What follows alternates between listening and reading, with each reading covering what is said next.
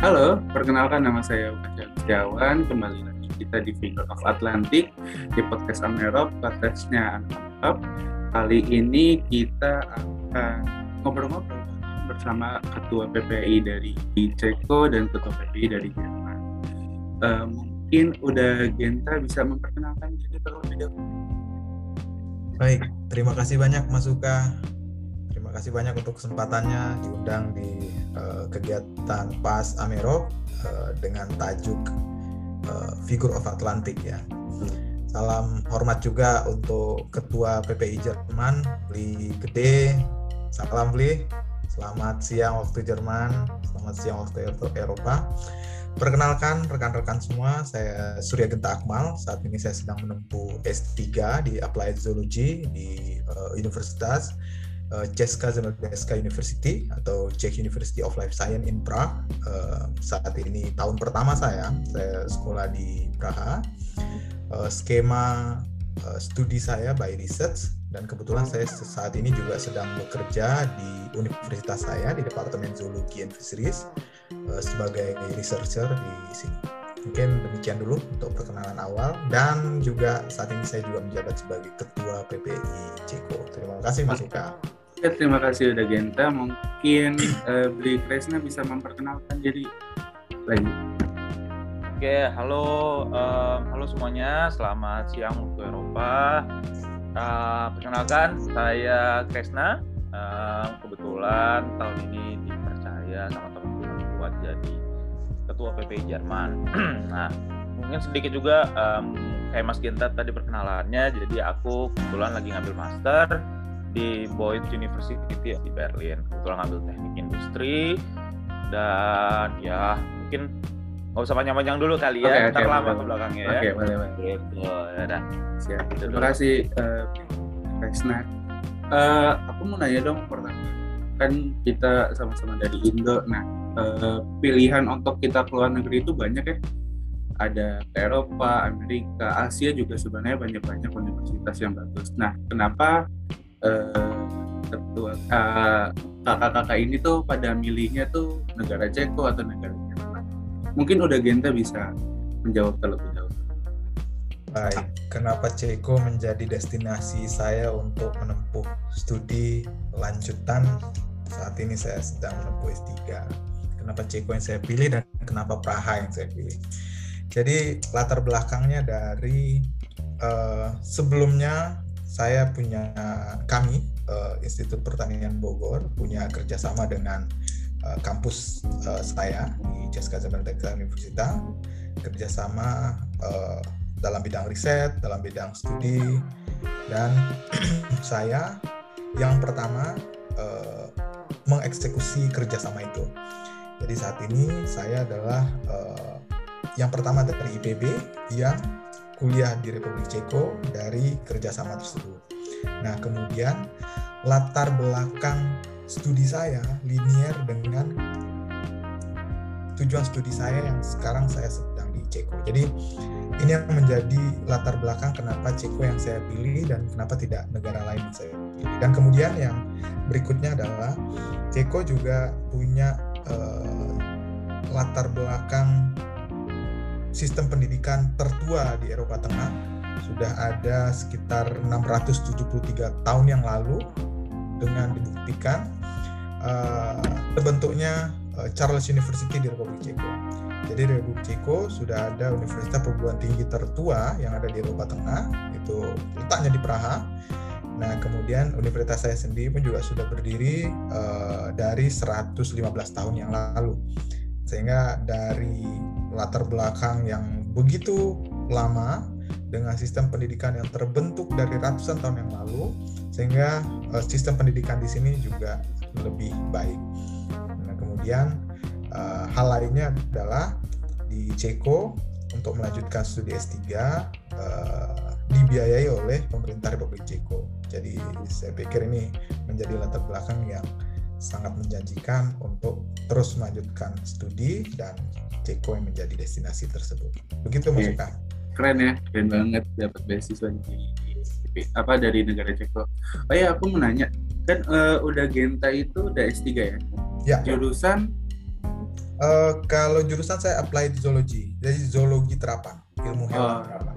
Zoologi terapan. Nah, uh, itu dari S1 sampai S3 sama itu, maksudnya linear? Ya, linear. Kalau S1 dulu saya di IPB, saya mengambil departemen uh, di manajemen sumber daya perairan hmm. di Fakultas Perikanan Ilmu Kelautan.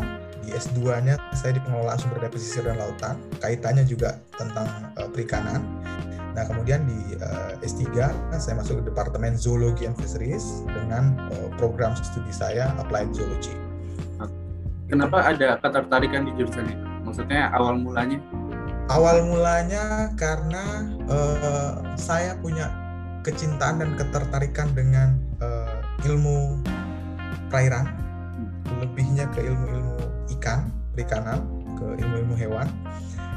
Karena negara kita negara maritim dan potensi kelautan kita sangat luar biasa sekali dan kemudian biodiversitas kita juga sangat kaya di muka bumi ini. Saya pikir itu yang menjadi latar belakang kenapa saya mencintai uh, bidang perairan untuk saya tekuni. Nah, kebetulan apply zoologi saya ini fokusnya ke bidang-bidang uh, ilmu-ilmu hewan yang ada di perairan. Oke, siap. Mantap ya. Jadi emang dari awal S1 linear sama ini ya linear sampai S3 perairan apa perairan habis itu perairan. tentang zoologi juga ya betul mungkin kita ke Beli Kresna Beli Kresna kenapa ya uh, memilih uh, di Jerman gitu hmm. kalau aku mungkin lebih apa ya lebih sederhana daripada Uda nih karena kan Uda kan di S3 sedangkan aku Betul. mulai dari uh, bachelor kemarin. Jadi benar-benar lulus SMA. uh, waktu itu emang bukan bukan bukan ini ya, bukan kayak tiba-tiba ada pikiran Jerman gitu enggak, tapi memang sudah aku pikirkan dari dulu.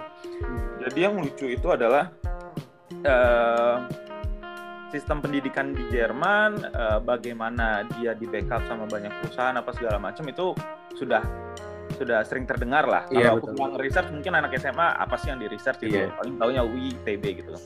Aku lihat-lihat seperti itu terus kayaknya wah menarik nih gitu. Um, jadi uh, dari awal memang sudah ada ketertarikan kayak gitu. Research research lagi sama kayak udah di Jerman juga um, sekolah negerinya itu di BN pemerintah. Jadi uh, aku kebetulan anak daerah dari Bali dan Pasar dan um, otomatis kalau ke um, UI atau ITB aku memang pengen ambil teknik dan itu memang ya udah emang ada kosnya oh, ada juga gitu iya. kan sedangkan kalau aku mikir oh kalau ke Jerman gue bisa um, berangkat um, rada kos di rada keluar kos di mungkin kelas bahasa apa segala macam tapi di sananya uh, aku bisa finance diriku sendiri gitu kan. Jadi di hitung hitungan itu ada hitung hitungan itu ada dan ya udah akhirnya um, ya udahlah ayolah kenapa enggak gitu. Okay. nah, um, balik lagi yang aku bilang tadi kenapa Jerman? Um, salah satu yang paling bikin aku tertarik sama Jerman adalah industri dan di mana ada industri kolerasi kolerasi eh korelasi dengan uh, dengan institut-institut pendidikan pasti lebih bagus. Contohnya di Betul. Jerman banyak sekali research yang nantinya langsung kayak misalnya dari med, uh, medicalnya langsung dibawa ke Bayern seperti itu. Nah, jadi asik nih kebetulan aku juga anaknya kebetulan aku juga anaknya basicnya dari memang IPA dan memang aku tertarik sama lebih ke teknikal lebih ke engineering tapi aku nggak mau yang terlalu cuman ngotak-ngatik engineer doang makanya aku ngambilnya di teknik industri karena um, aku memang suka teknik tapi ada hal yang bikin aku pingin oh nggak cuman lu bisa membuat sesuatu atau memproduksi sesuatu tapi yang perlu lu lakukan adalah juga menyebarkan ini nah salah satu yang bisa dipakai dari ilmu dari teknik industri itu adalah menyebarkan teknologi yang aku pelajarin. Hmm. Nah, jadi ada ya kasarnya ada um, sales ajannya sedikit lah, tapi oh, iya. Nggak nggak nggak cuma sekedar menjual, tapi bagaimana kita mendistribusikan apa yang teknologi yang sudah ada. Nah, makanya itu jadi salah satu basic aku ngambil um, uh, teknik industri. Nah, yang lucu juga di Jerman kalau di Jerman itu buat anak-anak kita bachelor apa segala macam itu normal sekali kayak um, kerja membiayai diri sendiri segala macam itu normal dan menurut aku itu adalah salah satu bagian pendewasaan yang aku perlu kalau kayak udah kan udah ke sini sudah sudah dewasa gitu ya sudah sudah sudah jadi gitu. iya kalau aku bener-bener kayak, wih, uh, masih lihat-lihat dunia gitu. Dan menurut aku keputusan aku dan pengalaman dari teman-teman juga yang sering sharing segala macam, jauh dari orang tua, mungkin um, kita bisa aku aku ngambil contohnya di Eropa sekarang di di sini kondusif kalau memang kita mau bergerak kalau memang kita mau belajar kalau kita mau bekerja itu bisa gitu loh. Jadi um, salah satu yang mungkin kalau aku bisa sampaikan ke teman-teman kalau memang lagi nyari-nyari kuliah dan emang straight ke bersit Eropa sedikit di situ selama lo ada niat jalan. Iya. Gitu. Setuju. Tuh gitu. Dan pasti banyak ininya ya banyak cara untuk kita bisa ke Eropa gitu ya ya banyak jalan menuju Roma lah intinya. Jangan nggak usah nggak usah takut dulu di awal. Apalagi anak-anak kan biasanya kayak wih uh, mesti ini mesti ini takut duluan itu iya. So. oke. Okay.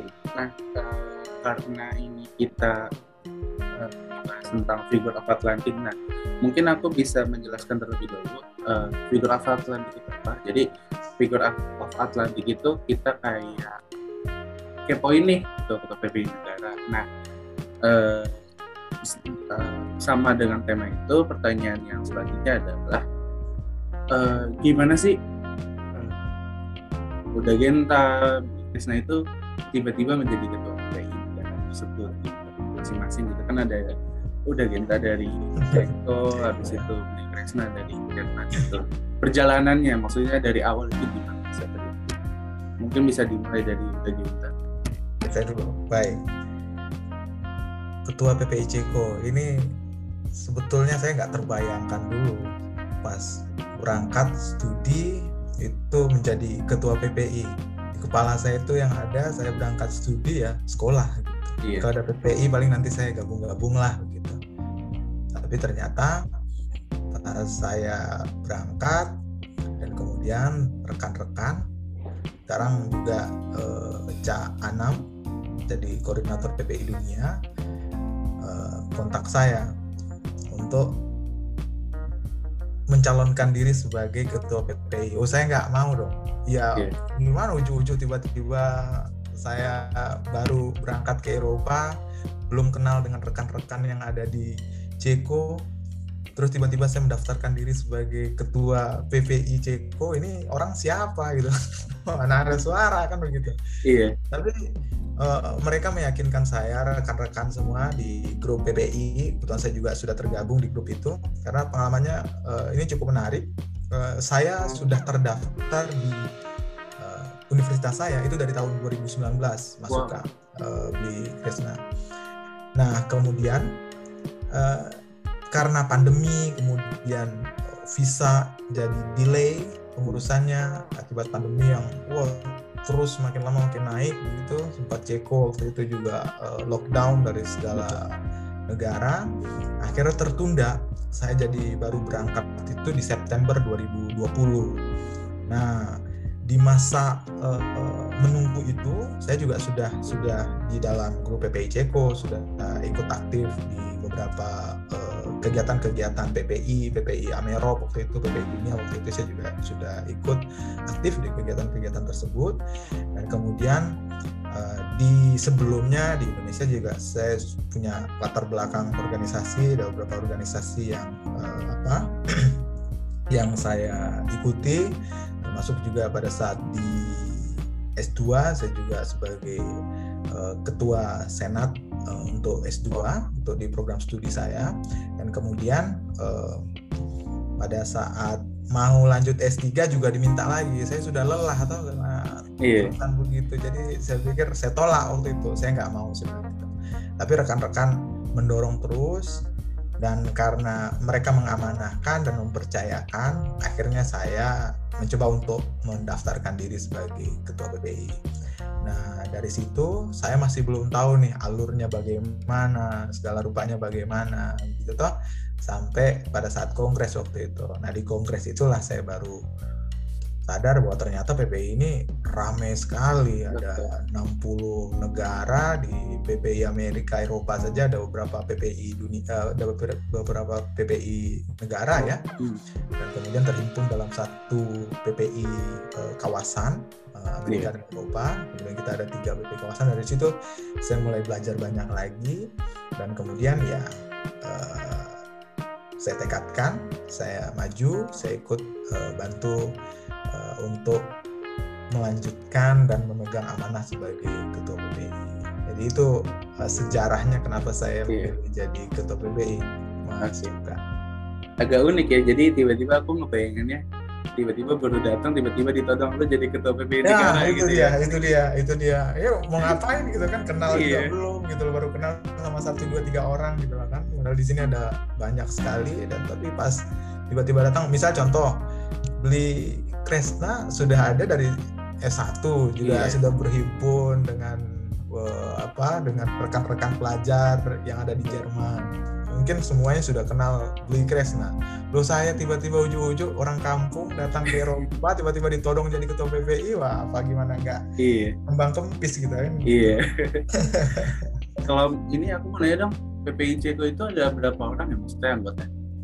kalau PPI Ceko sekarang kalau yang misalnya yang memang berkuliah di sini di luar Erasmus ya di luar Erasmus yeah. kalau ditambah Erasmus ada sekitar ratusan tapi kalau di di uh, yang hanya uh, apa uh, kuliah belajar yang memang di di Ceko di Republik Ceko dari S1 yang maksudnya full ya Iya, yeah, uh, itu ada sekitar 31 orang. Sangat berbeda dengan yang dipimpin sama Bli Kresna. Iya. Bli Kresna ini ratusan ini ya iya. pasukannya.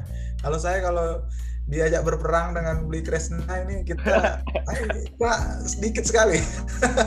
kalau kalau kalau, kalau kalau kalau koalisi mungkin bisa menang. Kalau lawan tuh kayak aduh gimana ya? Iya. banding berapa mending gak usah ikutan dulu lah mending gak usah ikutan ya. Iya.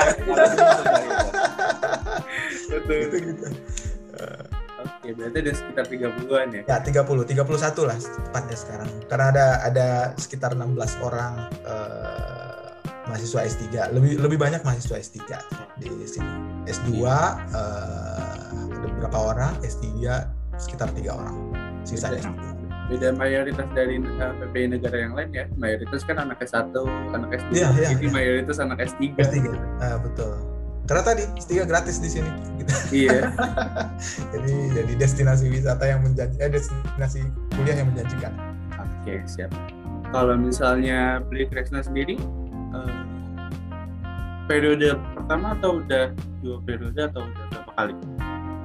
Uh, Akan dua periode ini ini lucu nih ini bakal lucu, lucu nih penjelasannya bakal seru nih uh, yeah, tapi yeah. aku pertanyaan pertama justru aku mau kembalikin ke mas uh, uh, mas Suka nih uh, sebenarnya sudah ini ini Mas uh, udah Genta sama aku kayaknya benar-benar berbeda banget dan kita jadi yeah. banyak dapet insight. Ya, yeah, betul. satu udah langsung S3 dan segala macam. Ini ini Mas Luka kayaknya sudah di plan ini ya biar beda gitu. sudah research banyak banyak ini. Uh, yeah ya udah aku cerita kalau gitu ya cerita dulu lah ya kalau um, di Jerman di Jerman total mahasiswa yang terdaftarnya itu du eh sorry 30% dari total masyarakat Indonesia yang ada di Jerman. Total masyarakat Indonesia di Jerman ada sekitar 24 ribu. Jadi kita di angka 8 ribu. Wah, udah genta bener berarti. Kalah langsung dulu, KO gitu. Langsung KO, langsung KO, langsung KO kayak saya bilang tadi. Di iya. Indonesia di, di Ceko diaspora ini saja cuma sekitar 300 orang, 300-an orang. Jauh sekali. lanjut lanjut.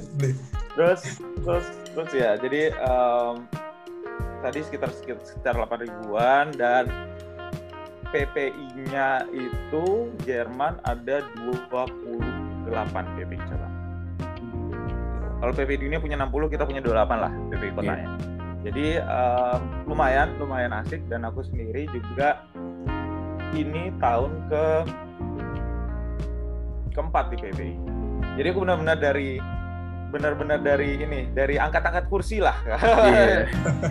angkat-angkat kursi terus uh, latihan berdoplim uh, berdiplomasi sedikit latihan ngomong sedikit. Jadi kalau aku boleh bilang uh, bukan cuman bukan cuman Kresna langsung di posisi uh, ketua PP Jerman atau apalah itu itu belakangan lah. Yang yang aku yang aku senang sendiri senang kalau dari pengalaman pribadi di PPI adalah gimana aku bisa berkembangnya juga jadi gimana aku dari bawah aku nggak kalau boleh jujur aku ada apa ya beringas juga lah. Dulu kalau apalagi baru lulus SMA baru nyampe Jerman itu ada beringas. Cuman um, dari situ gabung segala macam aku mulai belajar gimana cara bersikap apa segala macam. Jadi hmm, banyak lah fungsinya kalau menurut aku di sini buat aku sendiri gitu. Dan um, apa namanya seru si PP itu. Jadi um, karena kita karena kita terdiri dari karena itu tadi di masyarakat Indonesia yang di Jermannya juga sudah banyak kan jadi sekitar 24 ribu dan dari situ kan otomatis banyak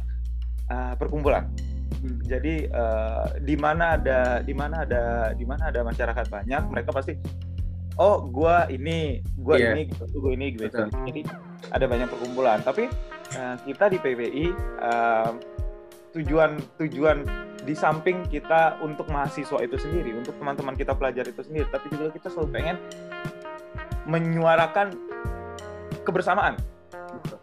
Jadi uh, apakah itu ormas agama, apakah itu badan pemerintah, apakah itu um, perkumpulan-perkumpulan mahasiswa atau ahli yang lainnya, kita di Jerman itu selalu berusaha untuk gimana caranya biar kita bareng gitu loh mas. Jadi uh, lebih apa ya lebih mungkin kayak di Indonesia aja ada banyak ormas terus kita gimana caranya biar kita tetap bareng kita tetap percaya kita itu satu um, Indonesia gitu. Berarti simulasi buat jadi presiden Indonesia gitu ya Baik, janganlah, janganlah, jangan. Berat, berat, berat. Berat ini, jangan dibawa gitu lah. Jangan dibawa. Tadi kan cuma, tadi kan cuma cerita gimana jadi ketua iya, iya, iya. ya. Ya, iya. Ini masuk nyenggol-nyenggol politik ini masuk kayak. Enggak maksudnya kan tadi uh, Beli Kristan tadi bilang kalau misalnya uh, kayak di Indonesia banyak ormas terus kita misalnya uh, berusaha untuk satu lah gitu kan berarti kan hampir sama gitu kayak simulasi aja mungkin oh. nanti di 2000 2020 atau 2030-an gitu. Masuk, beli masuk lagi nama ya, iya. lagi muda ya. Iya iya. Masuk lagi masuk lagi. Lagi. Berarti ya. tapi kalau misalnya untuk jadi ketua PP-nya baru periode pertama? Um, ketua PP Jerman ya. Uh, tahun lalu aku ketua PP Berlin. Sebelumnya ketua divisi sebelumnya anggota. Benar-benar jadi kayak uh, kayak di perusahaan Nanjak kayak, gitu kayak ya? dari kayak dari ininya dulu um, office boy yang enggak gitu, jadi resepsionis naik gitu. Nah, di situ bisa belajar gitu. masuk ke. Jadi berikutnya next presiden kan begitu. Iya betul, betul banget. Nah, mulai de- mulai dari Bali dulu lah kayaknya, dah jangan mulai dari Bali dulu lah kita. Iya. Gitu. Nah, uh, kalau misalnya ini aku mau nanya dong, uh, program andalan dari masing-masing uh, kakak-kakak di sini mungkin dari Oda Gendra terlebih dahulu. Baik, uh, kalau di PPI Ceko uh, ada beberapa program yang sedang kita jalankan. Ada sekarang kita menjalankan forum uh, keilmuan. Jadi fokusnya forum uh, mahasiswa doktor di sini juga ada karena tadi ya yeah. mahasiswa doktor itu uh, tekanannya berbeda dari seperti yang tadi yang disampaikan oleh Di Kresna uh, S1 dan S2. Nah, S3 di Republik Ceko tekanannya, tuntutannya dan kemudian tanggung jawabnya itu menyebabkan kita harus harus uh, memiliki forum sendiri yang untuk mensupport uh, progres studi kita di, di, di Republik Ceko. Nah, hal ini kita coba tampung, kita upayakan dan kemudian kita punya satu forum namanya Forum uh, Mahasiswa Doktor uh, di Republik Ceko. Nah, forum ini memfasilitasi rekan-rekan dari S3 terkait dengan uh, teknik penulisan ilmiah untuk artikel di jurnal terindex atau jurnal yang uh, apa punya impact factor dan kemudian uh, teknik uh, mempertahankan uh, apa namanya uh, tesis dan kemudian uh, banyak hal lain uh, diskusi sharing terkait dengan keilmuan kita masing-masing. Nah kemudian ada juga uh, webinar kebangsaan rencana akan kita lakukan nanti pada bulan Juni kita sudah ini juga bekerja sama dengan KBRI. Nah ini memang betul-betul nanti webinar kebangsaan ini melihat isu-isu penting yang saat ini sedang terjadi di Indonesia. Itu yang coba kita angkat dan kita bahas bersama untuk menemukan uh, setidaknya benang merahnya ataupun tidak menemukan benang merahnya kita bisa mengangkat isu itu untuk menjadi perhatian kita bersama agar kita bisa aware bagaimana kita menghadapi itu dengan baik. Nah, kemudian berikutnya adalah uh, itu itu itu ke kegiatan yang uh, unggulan yang kita lakukan. Dan kemudian ada ke depan kita akan uh, adakan podcast PPI ini sedang kita siapkan karena sebelumnya itu ada ngabuburit. Waktu itu sudah dilakukan oleh uh, sekarang menjadi koordinator PPI Dunia Canang beliau sebelumnya ketua PPI Ceko. Nah ada ngabuburit. Itu ngabuburit itu pas selama bulan Ramadan ini tapi program ini sepertinya untuk di Ramadan kali ini tidak tidak bisa kita tarik ke PPI karena seperti yang tadi disampaikan oleh uh, Bi Krisna, di sini kami mungkin ada sekitar diaspora, ya mungkin ada sekitar 300-an lebih lah ya uh, di sini. Pastinya uh, angka pastinya kita belum belum bisa sebutkan. Ada forum-forum keagamaan di sini, ada forum agama Islam, ada forum keagamaan Kristen dan ada forum keagamaan Hindu. Nah, uh, dari masing-masing forum keagamaan ini mereka sudah sudah punya uh, kegiatan masing-masing. Dan kemudian untuk di PBI sendiri, karena tadi uh, kita lebih meleburkan diri tersebut untuk dalam kegiatan-kegiatan yang dilakukan oleh diaspora. Jadi uh, saya pikir dua dan tiga kegiatan tadi itu menjadi kegiatan unggulan di uh, PBI Ceko yang mungkin kita akan akan kita siapkan dalam satu tahun kepengurusan ini. Nah untuk berikutnya mungkin harapannya lebih lebih lagi kegiatan tapi ya kita nggak nggak bikin kegiatan-kegiatan yang wah yang besar yang ini yang enggak kita cuma berhimpun namanya juga perhimpunan pelajar Indonesia. Kita guyup bareng-bareng kita uh, selesaikan masalah uh, utama kita sebagai pelajar di sini apa yang bisa kita wadahi itu dulu dan kemudian sisa energi berikutnya baru kita lakukan untuk kegiatan-kegiatan yang besar tadi kan yeah. jadi kalau ngadain webinar, ngadain ini, ngadain itu segala macam nanti dulu lah. Kita ada yang lebih penting yaitu bagaimana kita memfasilitasi kebutuhan-kebutuhan rekan-rekan pelajar yang di sini. S1 butuh apa, S2 butuh apa, S3 butuh apa. Nah, dari situ sudah terakomodir, baru sisa energi kita uh, gunakan untuk berikutnya. Kira-kira itu masukan. Oke, siap. Terima kasih. Semoga lancar ya udah dengan program Amin, amin. Mudah-mudahan. Terima kasih. Nah, untuk beli Krisna sendiri bagaimana?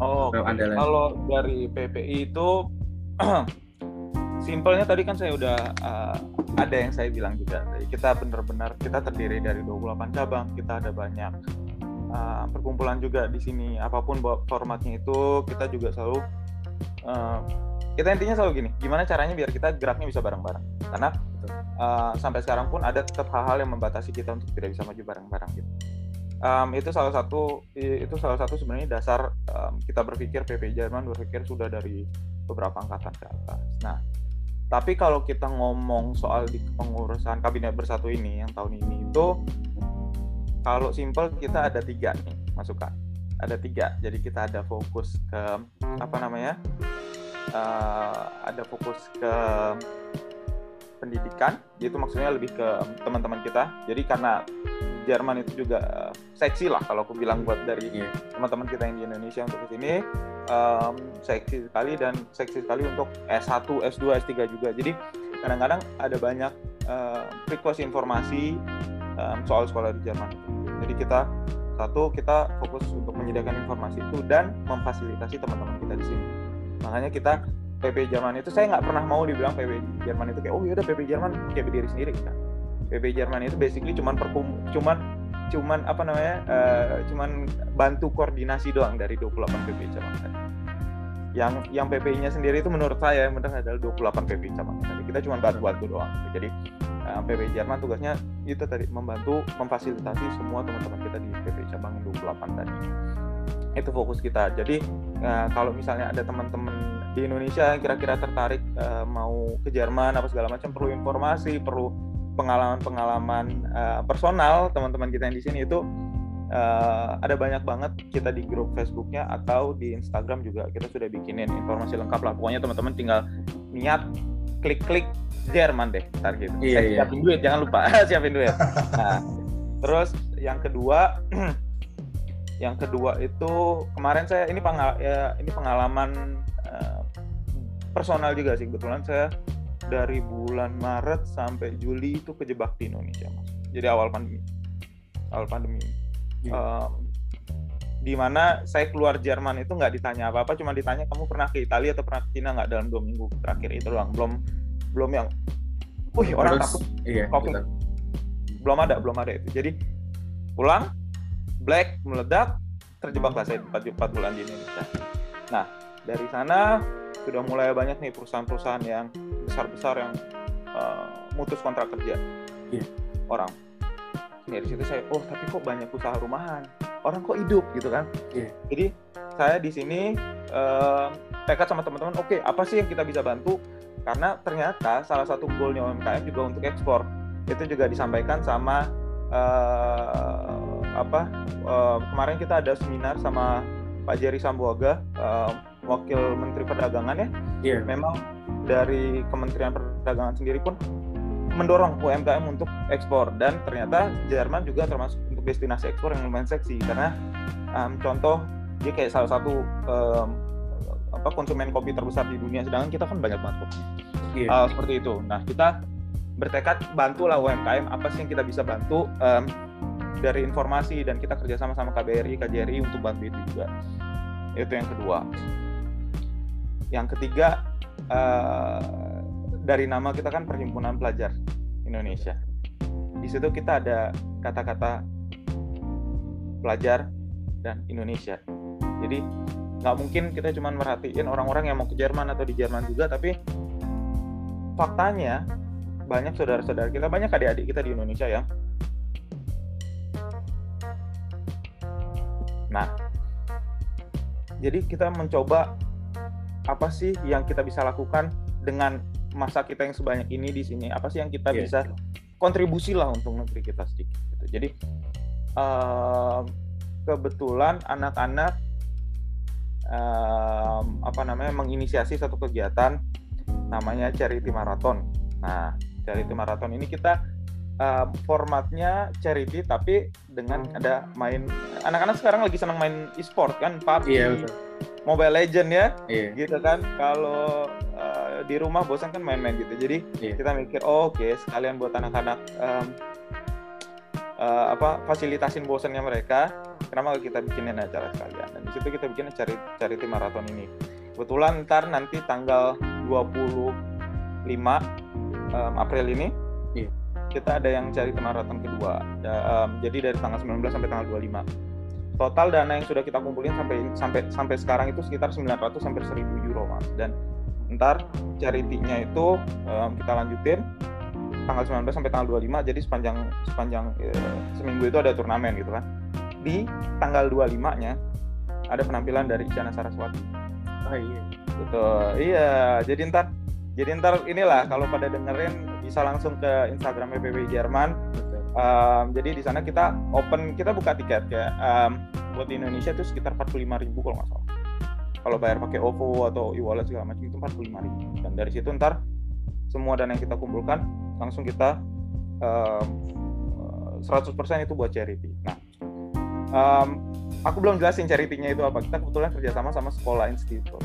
Sekolah institut itu mereka apa ya menyediakan, bukan menyediakan, um, membantu uh, pendidikan dasar untuk adik-adik kita yang kurang ber, ber- uh, kurang apa namanya kurang beruntung lah dari segi Iya. geografis yang tidak ada tidak ada pendidikan dasar di um, di daerahnya di daerah Indonesia Timur kebetulan ini. Dan um, ya itu jadi mereka membantu adik-adik kita untuk belajar baca belajar nulis belajar berhitung gitu loh. Jadi kayak dasar apa-apa yang mereka perlu banget. Nah jadi buat teman-teman kalau memang ada um, rezeki sedikit lah lebih mungkin mungkin bisa bantu kita cukup mungkin beli tiketnya aja atau ntar uh, kalau memang ada lebih juga bisa ikut donasi terserah gimana enaknya tapi yang pasti uh, ntar kita bakal di hari di puncaknya tanggal 25 itu uh, kita bakal ada penampilannya tadi. Nah, tapi kalau memang ada teman-teman yang kira-kira mau main game juga sekalian ikut turnamennya segala macam bisa juga langsung ikut turnamennya daftar juga di Instagram PPP Jerman. Pokoknya asik lah ini. Iya. Ini ini asik iya, uh, lihat cewek cakep iya ya nggak terus bantu bantu charity juga iya. Jadi kita iya. kita kita compile lah semuanya jadi satu kegiatan gitu. Tapi itu tetap tetap yang paling penting adalah um, satu kita tetap selalu fokus kita adalah bantu teman-teman kita semua. Dua kita bantu UMKM dan tiga kita pelajar membantu iya. sebanyak yeah. mungkin orang bisa disebut pelajar di Indonesia. Iya. Keren-keren banget ya program andalannya ini dari Uda Genta dari Resna keren-keren banget ini. Nah, uh, kalau misalnya Uda Genta uh, di lantiknya bulan apa ya?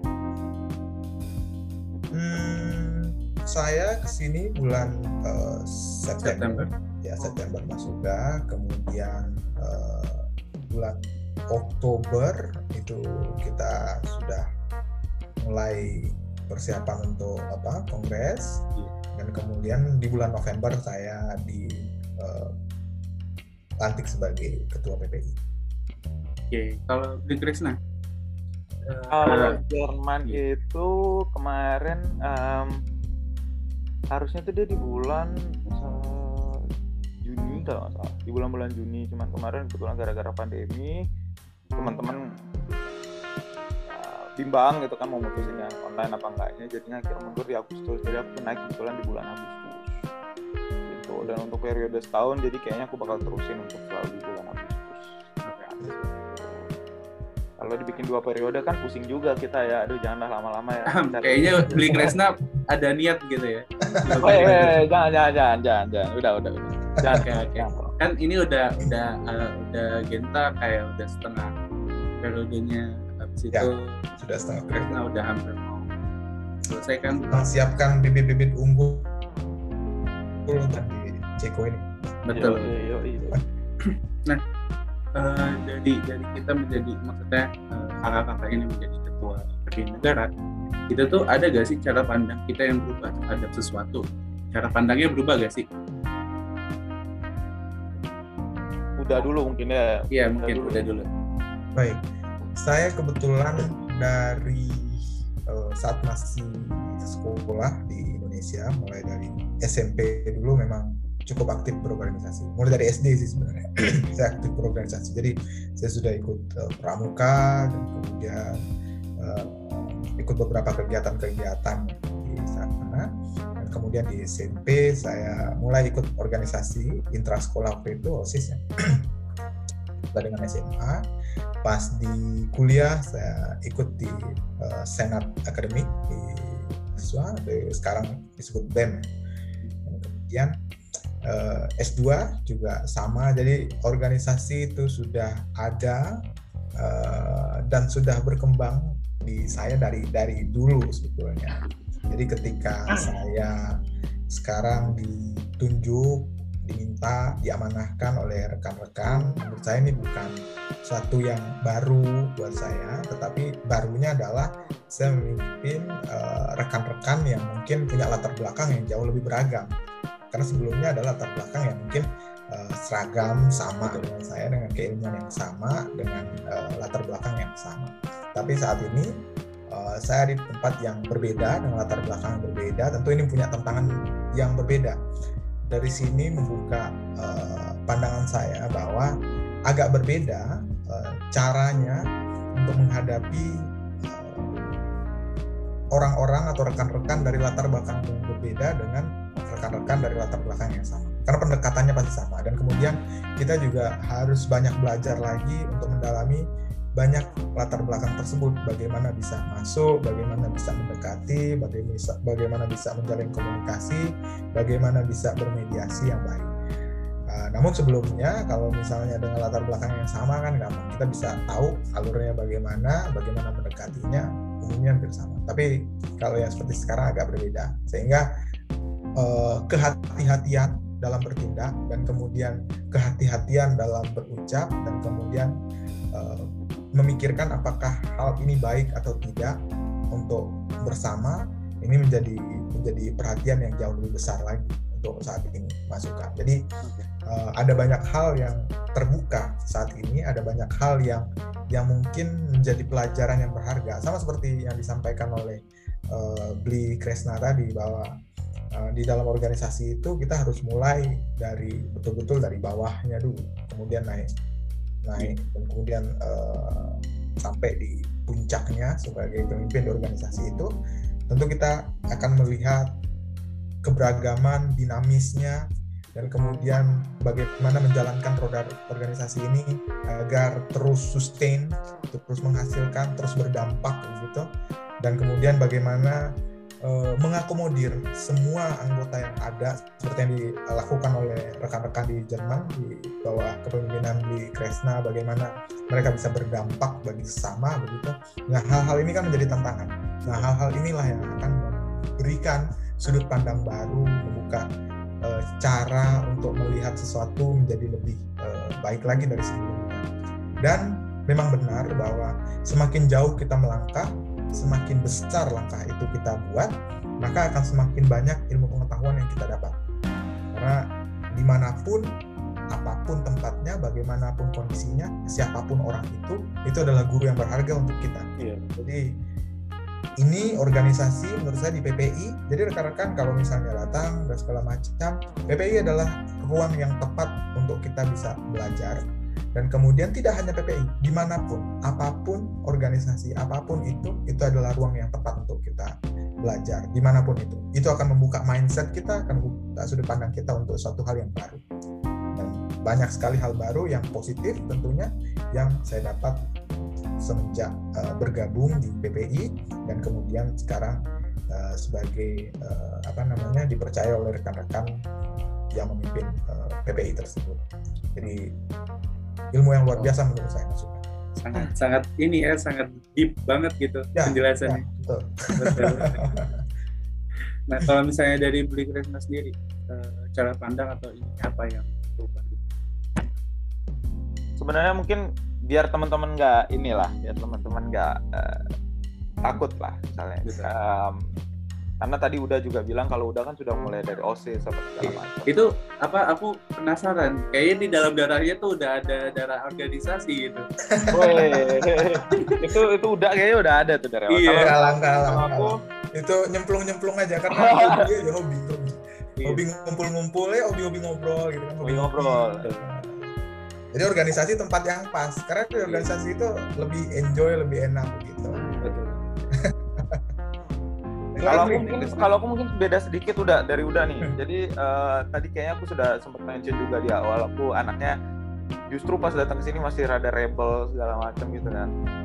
Terus um, apa namanya? Kebetulan aku fortunate banget bisa landed di Berlin di waktu itu di PPI Berlin pertama terus sempat kerja bareng juga sama Yitzhak ya uh, koordinatornya PPD Kamerop di situ kita kita kita mulai kerja bareng um, jadi Yitzhak tahu lah aku dari tadi aku bilang angkat kursi itu kayak apa dia tahu yeah. lah gitu.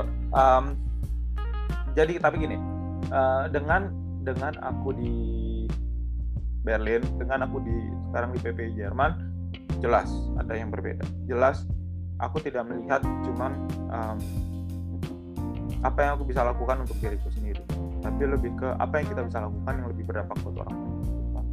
Karena ujung-ujungnya uh, ujung-ujungnya memang kita tetap perlu makan apa segala macam tapi ujung-ujungnya apa yang kita lakukan untuk saudara kita untuk lingkungan kita kalau menurut aku itu harganya bakal lebih bakal lebih mahal gitu. Jadi itu juga salah satu um, itu juga salah satu benar tadi kata kata udah ini kata-kata aku ingat sekali gimana cara organisasi itu bisa berdampak ya kan? Jadi uh, aku tidak mau anak-anak di sini cuma ngerasa oh yaudah kita cuma bagusin CV doang di PP Jerman atau kayak gimana. Enggak tapi gimana caranya kita bisa berdampak untuk buat orang lain? Gimana kita bisa ninggalin ntar PPI Jerman dengan posisi um, kita sudah mengenalkan semua satu sama lain. Kita sudah dari 28 PPI cabang tadi itu sudah sudah sudah bisa berdiri sendiri masing-masing itu itu itu yang itu yang menurut menurut menurut aku pandangan yang berubah dari aku dulu sampai aku sekarang aku ngelihat gimana aku ngelihat gimana dari eh, bocah-bocah lah. Iya. bocah-bocah yang cuma punya niat eh ayo gue pengen bantu. Adik-adik kita itu bisa jadi acara yang besar bisa jadi dampak yang bukan cuma di kita buat kita mungkin kalau misalnya kita di Eropa duit 5-10 euro jadi apa sih gitu loh. Tapi gimana kita dari situ kita ngumpulin banyak sekali orang-orang yang peduli satu sama lain kita salurkan itu itu coba bayangin kalau orang yang baru belajar baca baru belajar tulis apakah itu nggak ngerubah hidupnya ke depannya Iya. Nah, jadi itu lucu. Itu kalau ditanya aku mungkin 2014 nyampe ke Jerman nggak bakal aku berpikir seperti itu. Aku cuma berpikir gimana caranya besok eh, gua pengen apa hura-hura jalan ke mall paling gitu doang. Iya.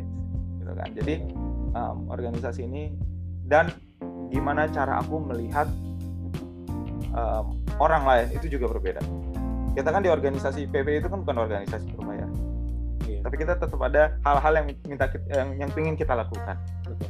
nggak bisa istilahnya mungkin aku ngelihat mungkin aku ngelihat em, orang-orang di perusahaan apa segala macam cara dia meminta tolong kepada orang lain itu kan beda dengan cara kita di organisasi yang tidak berbayar minta tolong kepada orang lain gimana kita eh, apa namanya bekerja sama dengan organisasi lain yang tidak berbayar itu kan Iya. benar-benar berbeda jadi dari dari situ aku belajar juga gimana cara kita melihat orang lain eh, dengan sangat menghargai mereka Iya.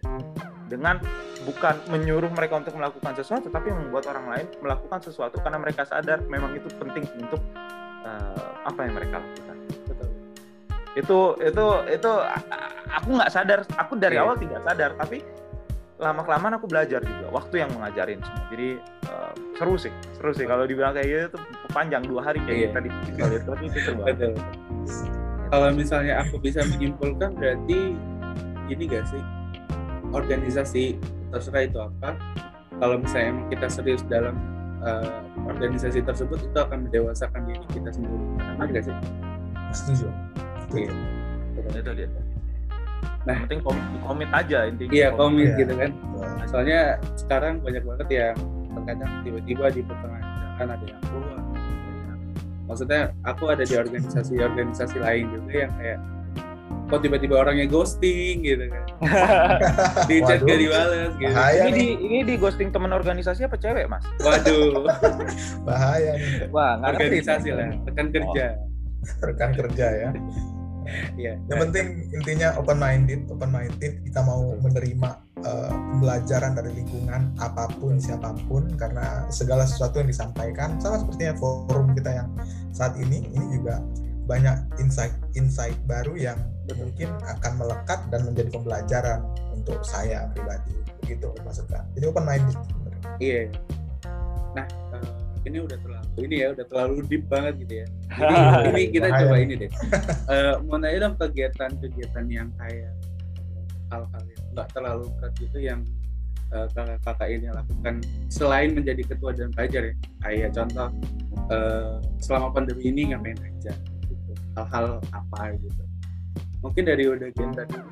Baik, kalau saya eh, menghabiskan waktu saya, selain saya menghabiskan waktu mungkin di kantor, eh, dan sebagai apa ketua PPI, saya lebih kadang-kadang kalau setiap hari Minggu ya weekend, ini karena pas UK ngundang siang ini, jadi saya batalkan nih jalan-jalan dulu. Wah nggak enak nih jadinya. Jadi biasanya kalau di akhir pekan itu saya biasanya eh, beri apresiasi untuk diri saya sendiri untuk menikmati keindahan Praha. Saya biasanya susuri keindahan Praha, kemudian ambil footage-footage video, kemudian eh, karena saya hobi untuk rekam sesuatu dan kemudian footage-footage itu saya simpan dulu, mana tahu suatu saat segala rupa eh, skill editing video saya muncul begitu, saya bisa edit-edit begitu kan. Yang penting kumpulin dulu, itu kan niat dulu. Jadi biasanya saya begitu masuk ke saya jalan ke mana segala rupa.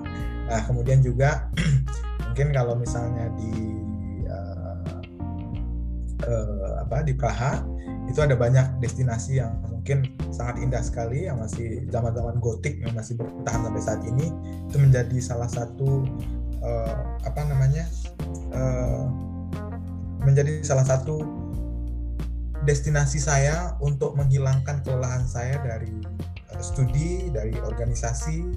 Jadi saya masih tetap bisa relax menjalankan hidup dan kemudian masih tetap bisa menambah berat badan di sini. Jadi tidak tertekan. Nah, ini penting. Jadi biar bisa bisa apa namanya bisa studinya santai tepat waktu dan kemudian organisasi juga jalan dan kemudian apalagi kalau S3 kan tuntutannya lebih berat tambah lagi bekerja juga di sini sebagai researcher juga tambah lagi dua kali lipat Iya. tiga kali lipat tuntutannya. Tapi saya bersyukur enam bulan saya di Republik Meksiko saya sudah menghasilkan dua publikasi yang terindeks di jurnal Q1 jadi menurut saya eh, Q1 dan Q2 jadi menurut saya ini eh, ini capaian yang luar biasa kalau misalnya kita hadapi itu dengan hati yang riang dan gembira Iya. Nah, kalau untuk beli Krishna sendiri, kegiatan apa yang dilakukan? Ah, kalau kalau udah tadi jalan-jalan ya. Kalau Betul. kalau aku kayaknya lebih ke aku lebih seneng masak sih, Mas. Lagi seneng lagi seneng masak ya. Jadi eh, apalagi ya namanya kita jauh dari rumah kan pasti pengen juga eh, ngerasain itu kan. Kebetulan em, kuliner Bali kan tidak terlalu banyak. Nah, mungkin kalau kayak mungkin kalau kayak nasi padang, bakso atau segala macam ada aja lah yang. Cuman kalau kayak kuliner Bali kan rada susah juga ya komunitasnya tidak susah itu. Jadi akhir-akhir ini kebetulan lagi seneng masak aja. Terus ya simple karena em, seperti yang aku bilang juga di awal tadi em, aku sama teman-teman di PPI itu bukan bukan kayak bukan cuma sama kayak teman organisasi tapi ya udah teman main main juga ya? semua gitu. Ah, ah.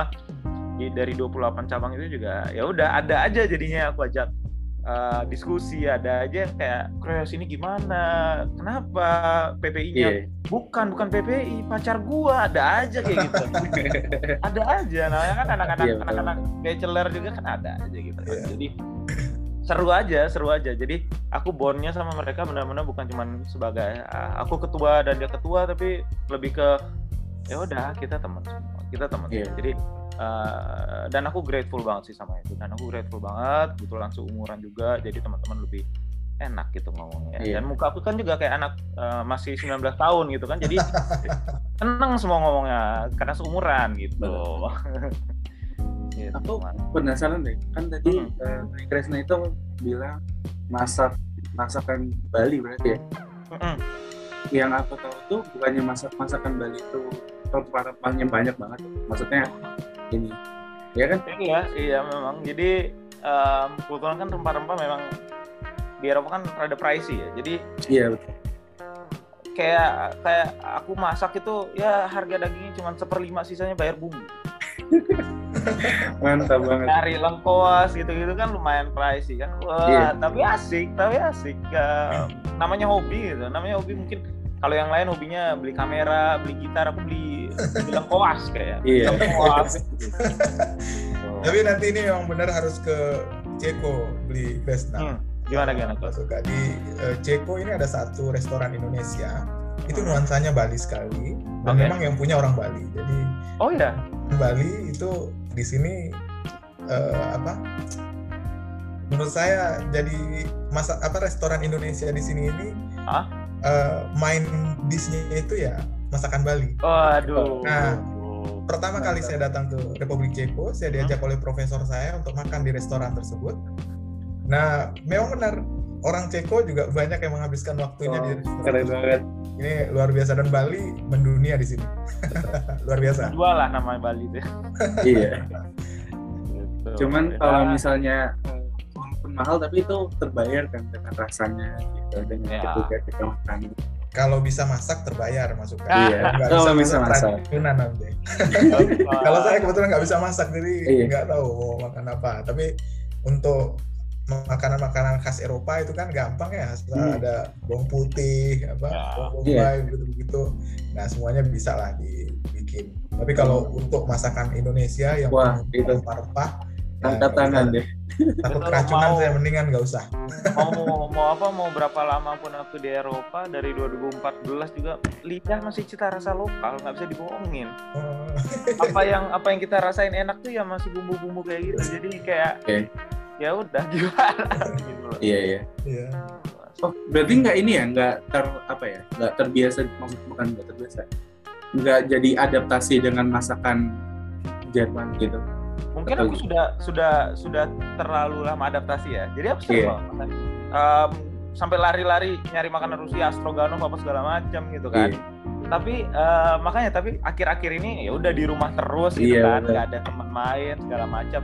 Kok pikiran apa yang aku jarang apa yang jarang masuk mulut ya? Pikiran lah itu. Makanya mulai masak. Oke. Kalau dulu semua aku masak. Oke. Um, Itali, Spain, Jerman, nggak terlalu banyak sih Jerman cuman. Wah Ya. ini ntar nanti di Kresna antara jadi eh, pejabat atau jadi koki gitu di Balinya. Wih, itu Masih disenggol ini. masih aja ya kan. Dan kita kita hobi itu ada yang ini, ada hobi ada yang membuat kita sehat, ada yang membuat kita senang, ada yang membuat menghasilkan duit, ada yang eh, eh, apa apa lagi satu ya lupa ya itu pokoknya itulah masing-masing ya Oke. masing gitu. Berarti kira-kira apa ya ntar nanti ke depannya kerjaan di Kresna? Kalau aku mungkin jadi mungkin aku punya apa resto atau apa gitu kalau udah ntar kita mesti ngefollow ininya eh, YouTube channelnya kayaknya. Waduh, Sebelum kalau udah mulai editing ya. Iya. Gitu. Mungkin aku nggak tahu ya. Kalau misalnya ketua-ketua PPI negara tuh ada grupnya masing-masing kan? Maksudnya eh, di di grup WhatsApp digabungkan menjadi satu gitu kan ya? Nah, Ada, aku mau tanya dong. a- apa ya? maksudnya, PPI negara, contoh di PPI Ceko atau di PPI Jerman itu hal uniknya tuh apa gitu? Maksudnya hal yang unik dari PPI Jerman, PPI Ceko tuh? Mungkin dari Uda Genta bisa ini. Kalau unik dari PPI di Republik Ceko ini adalah eh, kita punya sesepuh-sesepuh Hmm. eh, Excel-Excel di sini yang sampai saat ini juga masih eh, apa perhatian dengan cucu-cucunya kami-kami ini. Beliaulah eh, yang pertama kali eh, membangun PPI di Republik Ceko ini dan dari tahun 1060-an lah dulu waktu ada Mamahit mahasiswa Iya. ikatan dinas yang dikirim oleh Presiden Soekarno yang kemudian tidak diizinkan pulang lagi oleh Presiden Soeharto pada tahun 63 ya dan kemudian uh, akhirnya menjadi eksil menjadi orang-orang yang tidak punya kewarganegaraan dan akhirnya mereka menjadi memutuskan ada yang akhirnya kembali ke Indonesia uh, karena pengampunan ada yang tetap di Republik Ceko karena sudah menjadi warga negara Republik Ceko. Uniknya adalah uh, kita masih punya sesepuh-sepuh yang uh, masih pengertian dan perhatian kepada uh, kami pelajar-pelajarnya. Saya pada saat pertama kali dilantik menjadi ketua PPI, saya langsung dihubungi oleh Eyang kami sebutnya di sini oleh Eyang untuk uh, mengucapkan selamat dan kemudian saling diskusi dan kemudian banyak ngobrol yang lain dan kemudian akhirnya kami bertemu dan segala rupa dan kebetulan yang ini juga kenal dengan profesor saya dan mereka juga sering komunikasi. Nah ini uh, menurut saya luar biasa kita ketemu dengan foundernya langsung yang juga masih ada di sini dan kemudian kita sama-sama bergerak. Seperti yang tadi disampaikan oleh Di Krisna bahwa kita bergerak bersama seirama dan uh, apa namanya bergerak dinamis. Bahwa segala siapa pun di PPI PPI ini bukan cuma hanya perkumpulan pelajar saja bukan hanya kita berhimpun orang-orang Indonesia yang datang ke sini ke Republik Ceko dan kemudian pelajarnya berkumpul. Tapi juga bagaimana kita bisa mendekatkan diri dengan diaspora bagaimana kita bisa mendekatkan diri dengan elemen-elemen lain di sini dan kemudian bagaimana kita bisa mendekatkan diri dengan uh, unsur-unsur uh, uh, pemerintahan di sini seperti KBRI dan kemudian seperti uh, apa namanya masyarakat Indonesia yang eksil begitu yang sekarang sudah menjadi warga negara Ceko namun berkebangsaan eh berkebangsaan Ceko tapi keturunan Indonesia. Nah ini hal-hal yang seperti ini yang menurut saya uh, unik di PPI Ceko. Dan kemudian yang paling unik lagi adalah masih banyak orang yang belum tahu Ceko sefamiliar orang tahu Jerman. Betul. Karena ya Jerman luar biasa banyak alumni alumni Indonesia yang uh, dari Jerman uh, salah satunya yang paling terkenal adalah uh, Presiden B.J. Habibie. Ini jadi magnet tersendiri buat buat orang-orang uh, Indonesia untuk belajar ke Jerman. Tetapi berbeda dengan Ceko, tidak ada hal menarik mungkin buat orang-orang yang Indonesia yang datang ke Ceko. Mereka cuma tahu Praha tapi nggak tahu Praha itu ada di mana. Sama yeah. seperti orang luar negeri tahu Bali tapi nggak tahu Bali. Yeah. nah jadi ini ini menarik juga sehingga dari kekurangan informasi tadi, tapi mereka lupa bahwa di Republik Ceko seperti tadi disampaikan ketika kamu bisa berbahasa Ceko semuanya gratis di sini. Dan kemudian untuk S3 juga gratis dan kamu juga dikasih stipend. Intinya kamu juga digaji untuk kamu sekolah. Jadi kamu tinggal fokus belajar saja dan kamu bisa. Nah informasi ini masih sedikit sekali mas Ruka uh, rekan-rekan kita tahu di Indonesia. Nah ini yang mungkin kita uh, dari PPI Ceko akan uh, adakan seperti uh, apa namanya uh, uh, festival uh, education untuk memberikan informasi ke rekan-rekan kita di Indonesia. Nah, akhirnya dari kurangnya informasi tersebut, kurangnya orang-orang Indonesia yang uh, tahu tentang Ceko, kami cuma punya pasukan pelajar hanya puluhan orang saja. Iya. Berbeda dengan tadi di Kresna punya ribuan pasukan begitu pasukan. Ini hal-hal unik yang mungkin ada di, di, di Ceko. Oke.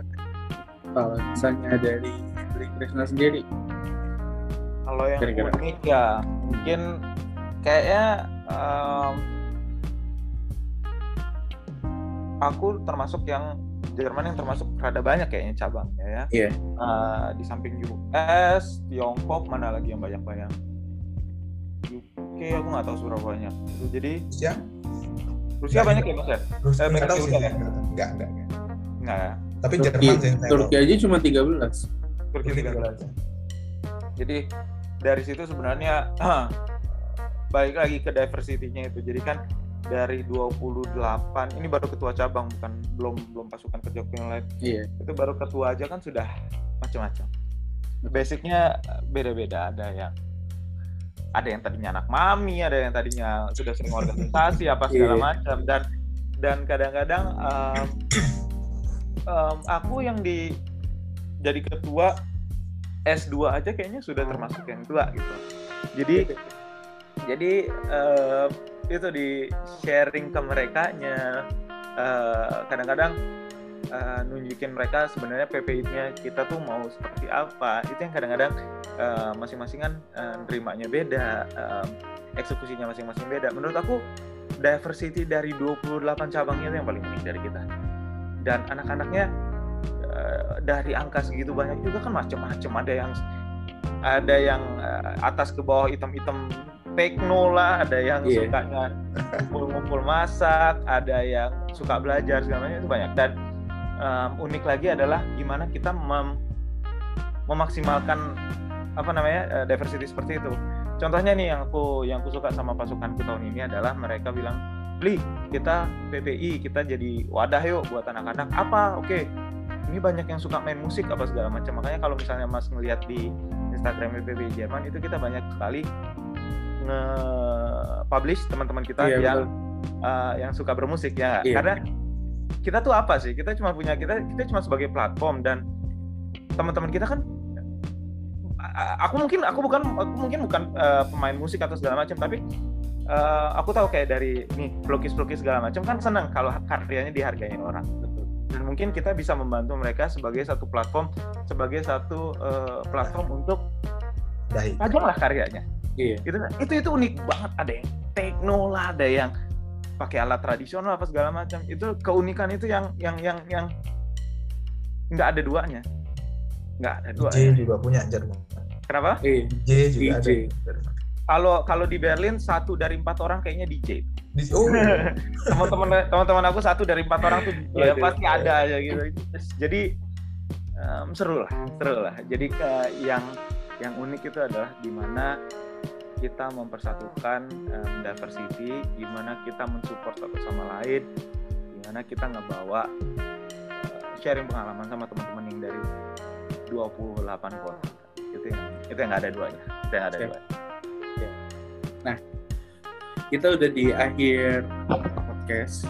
Ada satu pertanyaan uh, harapan untuk PPI negaranya masing-masing Polda kita. Uh, harapannya untuk uh, PPI negara Ceko seperti apa tadi itu Kresna untuk PPI Jerman seperti apa harapan? Mungkin udah Genta dulu. Baik terima kasih uh, Mas Suka.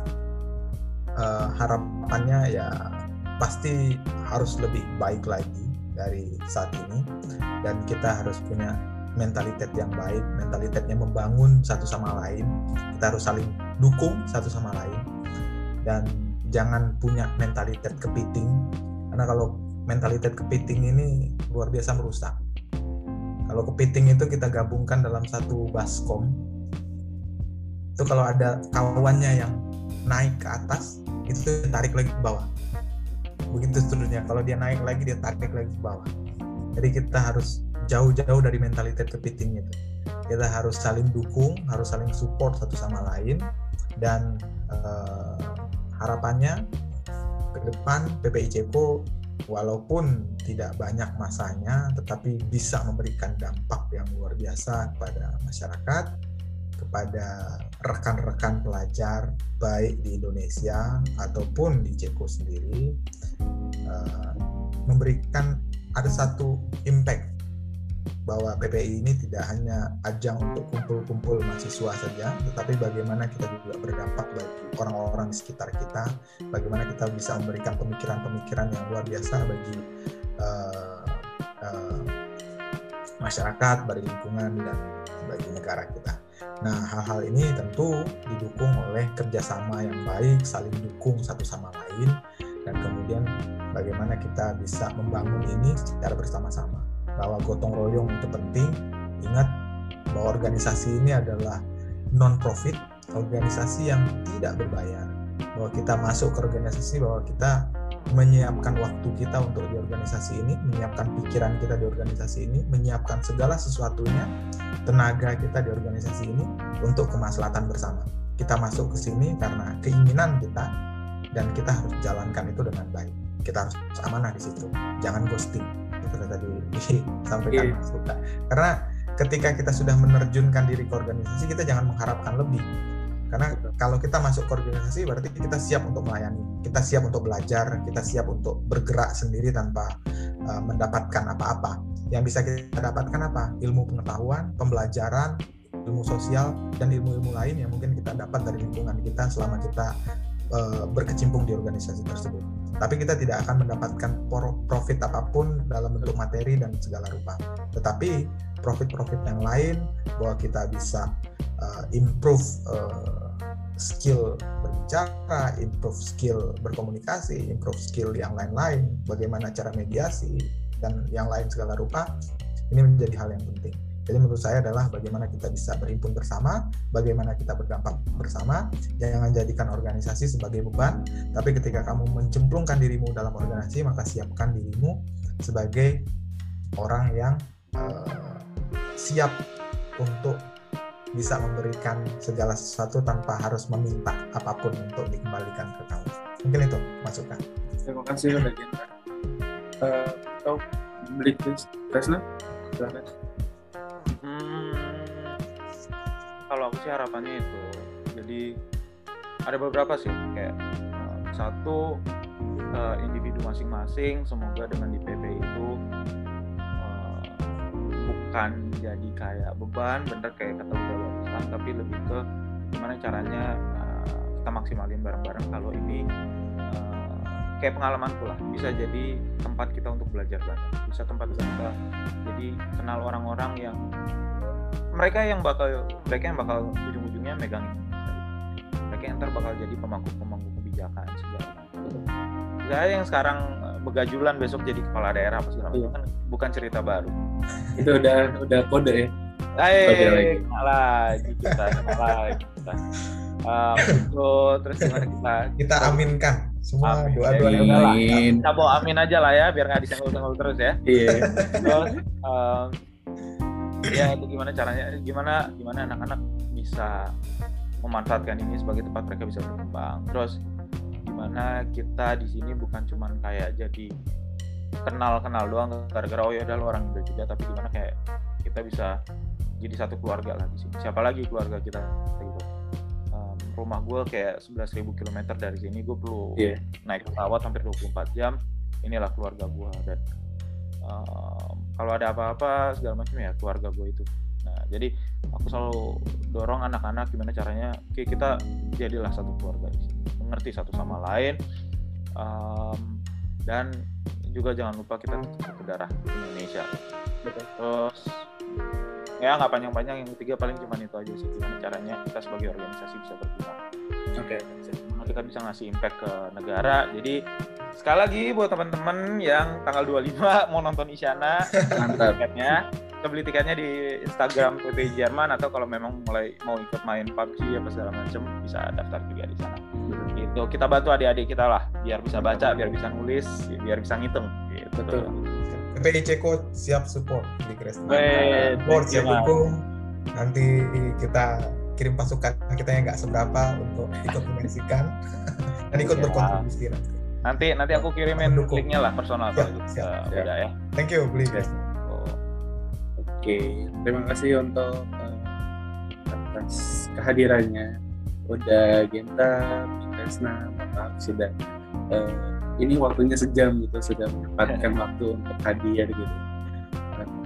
Nah, teman-teman, gimana untuk bincang-bincangnya kali ini? Eh, jangan lupa untuk share eh, podcast kali ini, sama jangan lupa untuk follow akun media sosial eh, PPID Kamera, baik di Instagram, Twitter, YouTube, dan lain-lain. Saya Ukasha dan eh, Ketua PPI Ceko dan Ketua PPI Jerman pamit undur diri. Bye-bye. Nah thank you Mas Uka thank you Thank udah Suka, thank you ya. Bli Kresna, thank you. siap. Terima kasih banyak. Terima kasih.